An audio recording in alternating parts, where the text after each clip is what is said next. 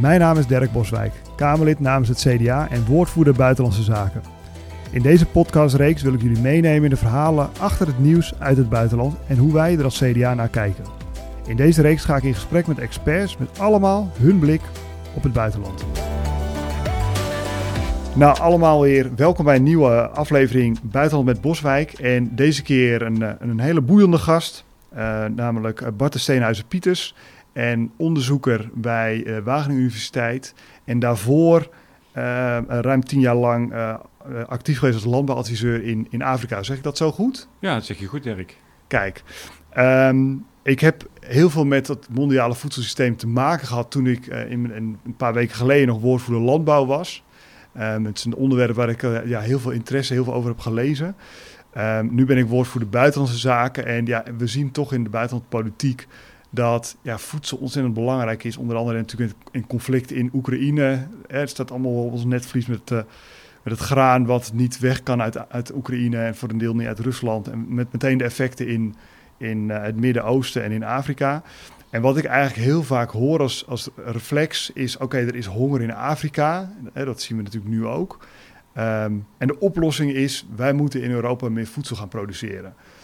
Maar dan formuleer ik het iets te plat heb ik begrepen. Ja, dat ben ik wel met je eens. Hoe, kan, kan, jij eens de luisteraars uitleggen van hoe in, in grote lijnen hoe dat mondiale voedselsysteem eruit ziet en um, nou ja, hoe het onder andere komt dat er bijvoorbeeld honger in Afrika is? Nou, dat is wel een hele grote vraag natuurlijk en daar kunnen we de hele dag mee vullen, maar ik zal proberen om er even in hele grote lijnen en grote stappen doorheen te gaan. Nou, ten eerste moeten we begrijpen dat alle voedselsystemen ter wereld aan elkaar gekoppeld zijn. En er was ooit een tijd dat ieder continent, ieder land bijna zijn eigen voedselsysteem had. En we produceerden voor onszelf. En dat is natuurlijk in de loop van de tijd, hè, in de koloniale tijd, zijn die voedselsystemen al aan elkaar gekoppeld geraakt. Doordat wij in het westen producten uit het zuiden haalden. En later zijn we ook weer producten naar het zuiden gaan brengen, soms onze overschotten daar naartoe. En veel later zijn die voedselsystemen door de globalisering um, steeds meer in elkaar uh, verstrengeld geraakt. Daarmee zijn die voedselsystemen ook steeds meer gecommercialiseerd. Dus de handel heeft heel sterk de stromen bepaald waar het voedsel in de wereld naartoe gaat. En als je tegenwoordig kijkt naar die voedselsystemen, dan zie je inderdaad dat er enorme vooruitgang is geboekt met het produceren van voedsel. Maar dat het voedsel ook vooral geproduceerd wordt naar de plaatsen waar de meeste koopkracht is. En koopkracht en voedsel ja, dat zijn ook eigenaardige dynamieken geworden, waarbij voedsel niet meer is wat het ooit was, namelijk om je lichaam in stand te houden, te laten groeien, actief te laten zijn. Maar voedsel is steeds meer een ja, amusementproduct geworden met een hoge waarde voor de commerciële partijen op de markt. Dus dat voedsel gaat steeds meer naar mensen die het zich kunnen veroorloven. En in mijn optiek is dat een van de grootste redenen waarom er op dit moment nog zoveel honger in Afrika is. En als ik hem dan even plat sla, stel wij zouden, wij kijken gewoon naar het aantal mensen op deze aarde die, die er rondlopen en het, de hoeveelheid voedsel die wij produceren. Hebben we dan genoeg voedsel om al die mensen die er dan zijn ook te voeden? Al zouden we gewoon geen markt hebben, maar het gewoon eerlijk verdelen? In principe veel meer dan we nodig hebben. Ja, dat is een eigenaardig gegeven. We hebben het wel eens over de planetaire grenzen. Maar als je gewoon kijkt naar hoeveel calorieën we produceren in de wereld, dan doen wij al veel meer dan de mens nodig heeft. Veel en veel en veel meer. Ga je kijken naar kwalitatief, hè, ook de micronutriënten die we nodig hebben, dan is het een iets genuanceerder verhaal. Hm. Maar in, ja, uh, de grote verhaal is, we produceren veel te veel voor de behoeften die we hebben, maar we verdelen het heel slecht en we gebruiken het ook heel slecht. En kan, je nou eens een voorbeeld noemen waarvan je zegt: Oké, uh, ik, ik, ik, maak het even simpel. Hè. We, hebben een, een, kilo graan, dat wordt dan geproduceerd. Uh, uh, er zijn mensen in, in bijvoorbeeld Afrika die daar behoefte aan hebben, maar het gaat niet naar Afrika toe. Het, het gaat naar ergens anders toe, omdat daar meer, meer voor betaald wordt, bijvoorbeeld. Kan je eens een voorbeeld noemen hoe dat, van, van, van waar dat dan gebeurt? Ja, het voorbeeld wat ik vaker heb aangehaald is um, wat er is gebeurd sinds de oorlog in Oekraïne is uitgebroken. Hè. Oekraïne was de grote graanschuur ter wereld uh, van uh, zowel tarwe als mais. ehm, werd er heel, heel, heel goedkoop geproduceerd. Onder de kostprijs van andere landen. Ja. Ehm, bereikte eigenlijk alle consumenten in de wereld. Totdat uh, Rusland Oekraïne binnenviel. Ja. Toen gingen de grenzen dicht. Toen zagen wij inderdaad dat de voedselprijzen overal in de wereld omhoog schoten. Vervolgens werd er een deal gesloten tussen Rusland, Turkije en Oekraïne. Daardoor kon er weer graan, lees tarwe en mais, door die deal, door die corridor, de wereldmarkt op. Maar constateerden wij dat driekwart van dat graan eigenlijk naar de westerse varkensmesterijen ging en niet naar Afrika. En dat illustreert hoe die internationale ketens eigenlijk werken. Dat wij in het Westen er meer voor kunnen betalen en daardoor dat graan dus niet Afrika heeft bereikt. Hm. En, en eh, wat, wat, wat me dan wel afvragen is, ik hou erg van geschiedenis en, en de afgelopen 2000 jaar is, is Egypte wordt heel vaak de graanschuur van de wereld genoemd. Ik geloof dat uh, de half Europa in, de- in de tijd van de Romeinen door, door, door Noord-Afrika werd gevoed. Hoe kan het dan zo zijn dat dat, dat dat nu niet meer zo is? Hoe kan het dat dat stokje eigenlijk is overgenomen eh, door Oekraïne en door, door eh, Rusland? Ehm, nou, Noord-Afrika heeft zijn productie van graan wel gehad, omdat ze de delta, eh, delta's hadden van eh, de grote rivieren. Ja, Maar dat was niet dusdanig veel dat het in der tijd de wereld heeft gevoed. Dat is wel gebeurd eh, toen in de Verenigde Staten, ehm, de- na de industriële revolutie, eind 19e eeuw, kunstmest en mechanisatie optrad. Toen is de Verenigde Staten is enorm veel tarwe gaan produceren. Die hebben zoveel geproduceerd dat ze werkelijk de wereld bijna konden gaan voeden. Maar om de binnenlandse prijs van tarwe hoog te houden, zijn ze tarwe gaan dumpen in Afrika. En dat heeft daar het dieet van de Afrikaanse consumenten dusdanig veranderd door die dumping, dat eh, het dieet in Afrika eh, veranderd is. Terwijl er eigenlijk ook in Afrika tarwe geproduceerd kon worden, kon dat niet meer vanwege die lage prijzen. En dat is tot op de dag van vandaag zichtbaar. Dat de Afrikaanse consumenten zijn eigenlijk ja, verslingerd geraakt aan dat tarwe, ja. wat niet meer in Afrika geproduceerd kan worden vanwege de veel te lage productieprijzen, omdat het elders vanwege zeer grootschaligheid en eh, technologie geproduceerd kan worden. En dat verklaart eigenlijk die afhankelijkheid van Afrika. Dus eigenlijk plat gezegd, de, de, de Afrikaanse boer is, is eigenlijk failliet gegaan. Omdat ze er gewoon niet in, in die race van de prijs eh, mee konden gaan. En daardoor zijn ze nu eigenlijk afhankelijk van eh, voedsel van buitenaf. Eh, zie- zien we dat alleen bij graan of zien we dat ook bij, bij andere producten? We zien dat vooral bij, bij de granen. En daarmee zie je ook dat met name bij eh, wat het consumptiepatroon van de veel Afrikaanse consumenten, die calorieën, hè, dat zijn de Mhm. granen zijn calorieën, overwegen. En de micronutriënten, eh, en dat zijn groente, fruit en andere gezonde producten, ja, eh, te veel afwezig zijn geweest. Die calorieën zijn eigenlijk te goedkoop ten Ja. opzichte van de gezonde elementen die mensen ook nodig heeft. En dat tekent, zowel hier in, zowel in Af- Afrika, dat mensen eh, micronutriënten tekorten hebben en daarmee niet tot een volwaardige groei komen in hun jeugd. We zien ook in het Westen dat ehm, goedkoop voedsel, ehm, of gezond voedsel, goedkoop voedsel is. Dus een gezond dieet, en dat lees je elke dag bijna in de krant, is eigenlijk vrij duur voor mensen die het zich niet kunnen veroorloven. ja, ja. Dus dan heb je eigenlijk een, een soort gekke paradox. Dat het ene eh, deel van de wereld, het arme deel van de wereld, eh, heb je, heb je eigenlijk gewoon... eh, eigenlijk hetzelfde probleem als ook in een, welvarend gedeelte. Alleen dan, heb, dan uit zich in, in eh, obesitas en, en zulke soort...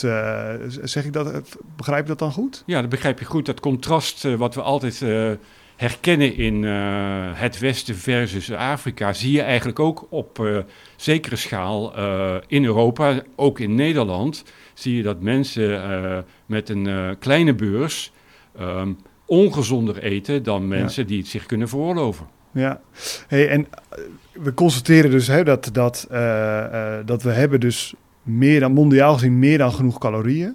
We constateren dat, dat dus een deel van, van de wereld eigenlijk niet meer mee kan en daardoor afhankelijk is van voedselimport vanuit, vanuit het buitenland, om het zo maar te zeggen. En dus eigenlijk heel erg is overgeleverd aan de grillen van de markt. Dus stel, even plat gezegd, uh, een varkensboer betaalt meer voor een kilo graan, uh, dan, dan gaat het graan naar hem toe in plaats van naar misschien mensen die het wel harder nodig hebben. Ja. Nou, dat constateren we dan. En, en, en hoe zouden we dat kunnen oplossen? Of is het überhaupt op te lossen nog? Ja, dat is een hele, hele goede vraag. Waar wij ons in Wageningen ook met, on, uh, met alle intelligentie die daar is uh, samengebundeld uh, onze koppen overbreken. Van wat is er redelijkerwijs mogelijk? En dat is niet eenduidig natuurlijk. Um, ten eerste moet je wel constateren dat het vrije marktgegeven hier niet direct een oplossing voor biedt. Um, omdat die globalisering, waarvan we dachten dat het ook zou leiden tot een betere verdeling van voedsel. Hè, dat het voedsel, um, als je het maar zoveel mogelijk produceert, ook wel zijn weg zou kunnen zou vinden ja. naar uh, de consumptie, uh, naar de consument. Dat is eigenlijk niet uh, uitgekomen. Um, en dat um, koopkracht een dominantere factor is gebleken dan behoefte. Ja. Nou, dat vraagt eigenlijk een herziening van hoe die markten functioneren. En helemaal overlaten aan de markt is dus niet het wondermiddel geweest wat we 20, 30 jaar geleden ervan verwachten. Ja. Dus er zal meer gereguleerd moeten worden. Regulering door wat ik noem uh, het publieke domein, uh, het toevoegen van uh, waardes aan die markt die die markt zelf niet meer heeft. Ja. Niet alleen winst leidt tot betere verdeling. Dat kan gewoon niet. Nee. Dus dat betekent dat je moet gaan kijken van is het mogelijk om op ja, wereldschaal, WTO, uh, eh, misschien Europa als zodanig, kunnen we daar die waarden die wij hechten aan voeding, uh, voeding uh, als een essentieel ingrediënt voor menswaardig bestaan, kunnen we die waarden toevoegen aan het functioneren van die markten. Ja. ja, ik vind het eigenlijk sowieso, als je erbij nadenkt, dat je, dat je zegt, joh, we laten voedsel als een soort normaal product um, uh, over aan de, aan de markt is natuurlijk eigenlijk best gek. Want bij, bij marktwerking is natuurlijk schaarste heel belangrijk. Ik bedoel, dan, dan, dan krijg je concurrentie en, en uiteindelijk betere producten. Alleen bij voedsel is natuurlijk schaarste meteen honger. En dat wil je natuurlijk niet. Dus je zal altijd moeten overproduceren om in ieder geval schaarste te kunnen voorkomen. Dus het is natuurlijk wel gek dat we dat ooit het idee was van joh, we kunnen dat wel door de markt laten regelen. En dat we, we hadden dit eigenlijk kunnen verwachten dat natuurlijk uiteindelijk degene met het meeste geld eh, het voedsel krijgt en degene uh, met weinig geld dus uiteindelijk de rekening betaalt. Ja, het is eigenlijk heel eigenaardig dat je iets als voedsel, hè, wat toch een heel essentieel ja, product is, uh, we behandelen alsof het aardolie is, wat je gewoon kunt verhandelen en waar de prijs wordt bepaald door uh, vraag en aanbod. Ja. Terwijl het eigenlijk meer in de categorie van ja, ik zeg wel eens medicijnen. Ja, daar overdrijf ik het misschien een klein beetje. Maar hè, het, het, het, het is een essentieel onderdeel voor een gezond bestaan. Ja. En daar kun je niet mee handelen alsof het uh, aardolie of radio's of noem maar wat, een commodity zeggen we dan, is. Ja, dat is, dat is heel eigenaardig. En is het zo, want dat, die verhalen gingen ook de ronde en daar heb ik gewoon echt te weinig kennis van. Maar dat er onder andere bijvoorbeeld op de graanmarkt... dat er een, een aantal spe spelers zitten die, die zoveel macht hebben... dat ze ook nog speculeren op de, op de prijs. Dus, dus bepaalde hoeveelheden tijdelijk van de markt houden... om het op een bepaald moment wel weer aan te bieden als die prijs hoger is. Dus daarmee uh, eigenlijk zorgen voor prijsopdreigende effecten. Is dat, is, bestaat dat ook? Uh, ja, dat is wel een hele goede vraag. En ik uh, moet er een beetje om grinniken, want daar is een heel debat onder economen of we het woord speculatie mogen gebruiken of niet. Nou, dat doet er voor de gemiddelde luisteraar van jouw podcast niet toe. Het punt is van, is de prijs eerlijk? Is de prijs een werkelijke prijs? En het enige wat ik daarvan echt over kan zeggen is, doordat er zoveel partijen betrokken zijn bij het bepalen van die prijs, zien we wel dat die prijs wordt opgedreven. Hm. Um, er zijn heel veel partijen tussen de boer en de eindconsument. Veel meer dan jij en ik zouden verwachten zitten ook heel veel financiële partijen bij betrokken, die krediet geven voor financiering. Um, heel veel, met name graan, uh, maar ook cacao en koffie en dergelijke, daarvan weten we het, worden opgekocht, opgekocht op basis van futures. Dat ja. wil zeggen dat ja. de opkoper, die koopt de oogst van volgend jaar al bij de boer. Die contracten worden doorverhandeld. Ja, dat doen ze niet zonder daar waarde aan toe te voegen. Nee. Of we dat nou speculatie... Nee, het heet geen speculatie. Maar ja, voor jou en mij krijgt het wel een beetje dat gevoel. Ja, voor mij klinkt het gewoon als beurshandel, dus wel als speculatie. Het, het is beurshandel. ehm, het krijgt niet de definitie van speculatie, maar het wel het gevoel. En het drijft wel de prijs op. Dus het, eind, aan het, het eindresultaat, en daar gaat het om, is dat het product duurder wordt dan nodig in mijn ogen. Ja, ja. En dat geldt wel degelijk voor alle voedselproducten die er in de wereld rondgaan. Ja. Kijk, ik, ik, eh, je- begon er net mee met, ehm, hè, vroeger waren de continenten ehm, eigenlijk zelfvoorzienend. Dan had je natuurlijk niet heel veel eh, uitwisseling tussen de continenten. Ja, misschien wel tussen Afrika en, en het Midden-Oosten en Europa, omdat dat nog redelijk dicht bij elkaar. Maar helemaal natuurlijk niet tussen Zuid, heet het, Amerika, wat je nu ziet met Europa. Maar zou je dan weer ehm, terug moeten naar zo'n situatie of is dat naïef? Nee hoor, nee hoor, dat is echt naïef en dat is ook helemaal niet wenselijk. Want eh, het blijft zo dat bepaalde streken of regio's bepaalde klimatologische en ecologische voordelen hebben, waardoor ze producten beter kunnen produceren dan andere regio's. En er zijn ook eh, regio's in de wereld die nauwelijks voedsel kunnen produceren. Die produceren, weet ik het, aardolie en gas. Ja, Ja, laten we daar alsjeblieft niet tegen alle kosten ook nog eens proberen om voedsel te produceren wat, wat, veel, wat heel onduurzaam is. Dus we moeten daar op een hele andere manier naar kijken. Maar een betere afstemming en een betere balans tussen wat zouden wij redelijkerwijs binnenlands kunnen produceren, waar zijn de voordelen eh, om het ook op kort, met kortere ketens te produceren, zodat de consument een beter product krijgt. Die afweging moeten wij beter maken en niet alleen kijken naar eh, winstmaximalisatie en efficiëntie. ja, We hebben ons te veel laten leiden door die twee normen, terwijl we ons ook kunnen laten leiden door ehm, duurzaamheidsprincipes of eh, weerbaarheidsprincipes. ja. En moeten we niet kunnen garanderen dat als er een prijscrisis op de wereldmarkt is, dat we toch onze basisvoorziening in orde hebben. ja. Dat betekent dat we meerdere bronnen van voedsel moeten kunnen garanderen. Dus ja, iets, ja, eigenlijk veel beter balanceren tussen import en binnenlands is voor elk land verstandig. Ja,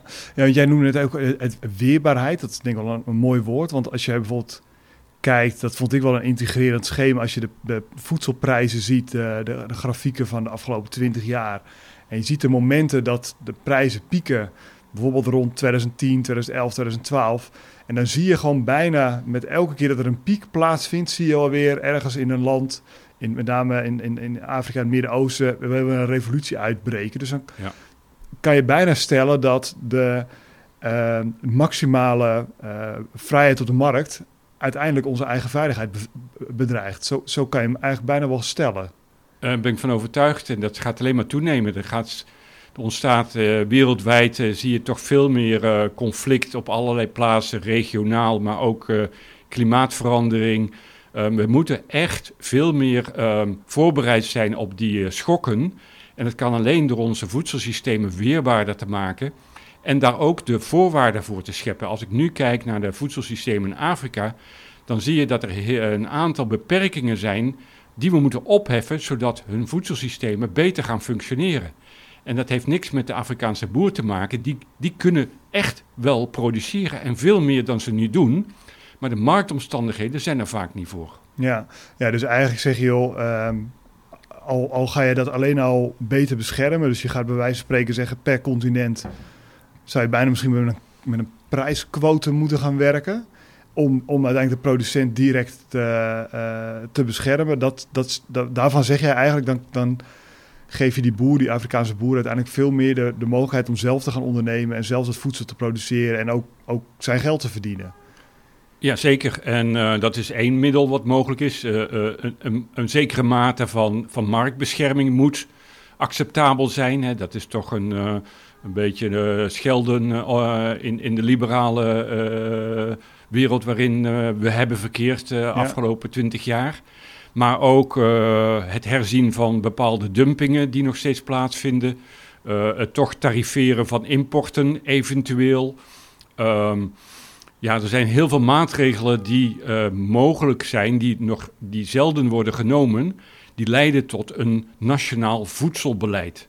En dan bedoel ik niet een landbouwbeleid, maar een voedselbeleid. Ja, ah, dat is wel interessant. Nou ja, wij gaan hier, uh, we, hebben binnenkort verkiezingen. Uh, dus, dus het is nu, nou, we hebben denk ik nog twee, drie weken hier hebben nog, nog debatten. En uh, dan is het verkiezingsreces, dus dan, dan, ja, dan gaat iedereen naar buiten flyeren. Helaas. maar goed, dat, dat hoort erbij. Ehm, en daarna krijgen we alle debatten wel. Maar dan is wel de insteek, in ieder geval met de input die u nu geeft, om toch veel meer um, ja, vanuit hier, vanuit Den Haag en onze invloed is beperkt. We zullen het eigenlijk vooral natuurlijk op Europese schaal moeten, moeten doen. Om toch veel meer sturing te gaan krijgen op die markt. Omdat we inderdaad gewoon zien dat ja, te veel vrijheid um, op deze markt, dat dat gewoon niet gaat werken. Of zien dat niet, niet op de manier zoals we dat uh, graag zouden willen. Heb jij nog een, uh, nog een nabranderbad? Ik denk, nou, dat moet ik nog kwijt. Ja, dat is een goede vraag. Ik denk ook dat wij uh, in het Westen, uh, als je dat toch uh, ziet dat al die voedselsystemen aan elkaar gerelateerd zijn. En dat wij ook moeten nadenken hoe wij zelf voedsel zien. Hè? Als we het echt alleen maar als een consumptie of een, consument, ja, een, een, een entertainment zien. En, en, en wij consumeren met z'n allen misschien wel 30% meer dan we nodig hebben. Ja, dan blijft ook uh, die prikkel bestaan. Ja. Dus we kunnen het zeker, uh, moeten wij die uh, verantwoordelijkheid bij uh, de private sector leggen. En regulering is ook nodig. Maar ik denk ook dat wij als consumenten eens goed moeten nagaan wat de rol van voeding en voedsel voor onszelf is. En dat ehm, het overconsumeren als zodanig ook een fenomeen is wat ons uiteindelijk niet verder zal helpen. Ehm, en dat gezonde voeding uh, leidend moet zijn, of dat nou in Afrika is, maar eigenlijk ook in onze eigen samenleving. Ja, ja nou, ik zag pas geleden wel een schrikbarend grafiekje met de verwachtingen van, en sowieso de hoeveelheid overgewicht nu al in Nederland. En alle daaraan gerelateerde ziektes, suikerziekte enzovoort. Um, maar ook dan nog de schrikbarende toename als we eigenlijk de trend doorzetten zoals die nu is. En ja, dat is, dat is ook, ook bijna financieel niet meer op te brengen. Als je kijkt naar de, hele zorg die daar weer omheen moet gaan komen om mensen gezond te houden. doordat ze ongezond zijn geworden door, door verkeerde voeding of te veel voeding. Nee, maar het heeft ook met de welzijn van mensen te maken. daar wilde ik meer op richten. Hè. Als je aan, aan de onderkant van de samenleving verkeert en je, je, je hebt mede daardoor geen toegang tot gezonde voeding. dan vind ik dat dat een een, een, een, probleem van onze samenleving is, wat we echt met elkaar serieus moeten nemen. Dus gezonde voeding moet echt toegankelijker en betaalbaarder worden dan ongezonde voeding. En nu is het eigenlijk andersom. Ja, ja. We hebben hem heel erg breed gemaakt. Ontzettend dank uh, voor je komst. Ik denk dat het uh, voor heel veel luisteraars, kijk, wij zijn er uh, natuurlijk veel mee bezig. Dus voor ons zijn er natuurlijk veel dingen waar we het vaak over hebben. Maar ik denk dat er voor heel veel mensen wel weer heel veel nieuwe informatie. Alleen al het feit dat we voldoende voedsel produceren op de wereld. om, om in geval honger eigenlijk al de wereld uit te helpen. Alleen de, ja, gewoon de mismatch die ontstaat door, door de, dat het zo overlaten aan de markt. Ik denk dat dat voor veel mensen al heel erg verhelderend is ontzettend dank dat je helemaal naar Den Haag uh, hebt willen komen. Um, en uh, nou ja, laten we goed contact houden. En ik ga proberen hier vanuit Den Haag een heel klein steentje bij te dragen als jij dat vanuit uh, de Wageningen Universiteit doet. Dankjewel. Jij ook bedankt Dirk. Ontzettend bedankt voor het luisteren naar deze podcast. Heb jij nog opmerkingen, vragen? Laat het mij dan ook weten via Twitter, Instagram of LinkedIn. wellicht kan ik die opmerkingen van jou meenemen in een volgende reeks. Ik ben ook sowieso benieuwd wat je ervan vond.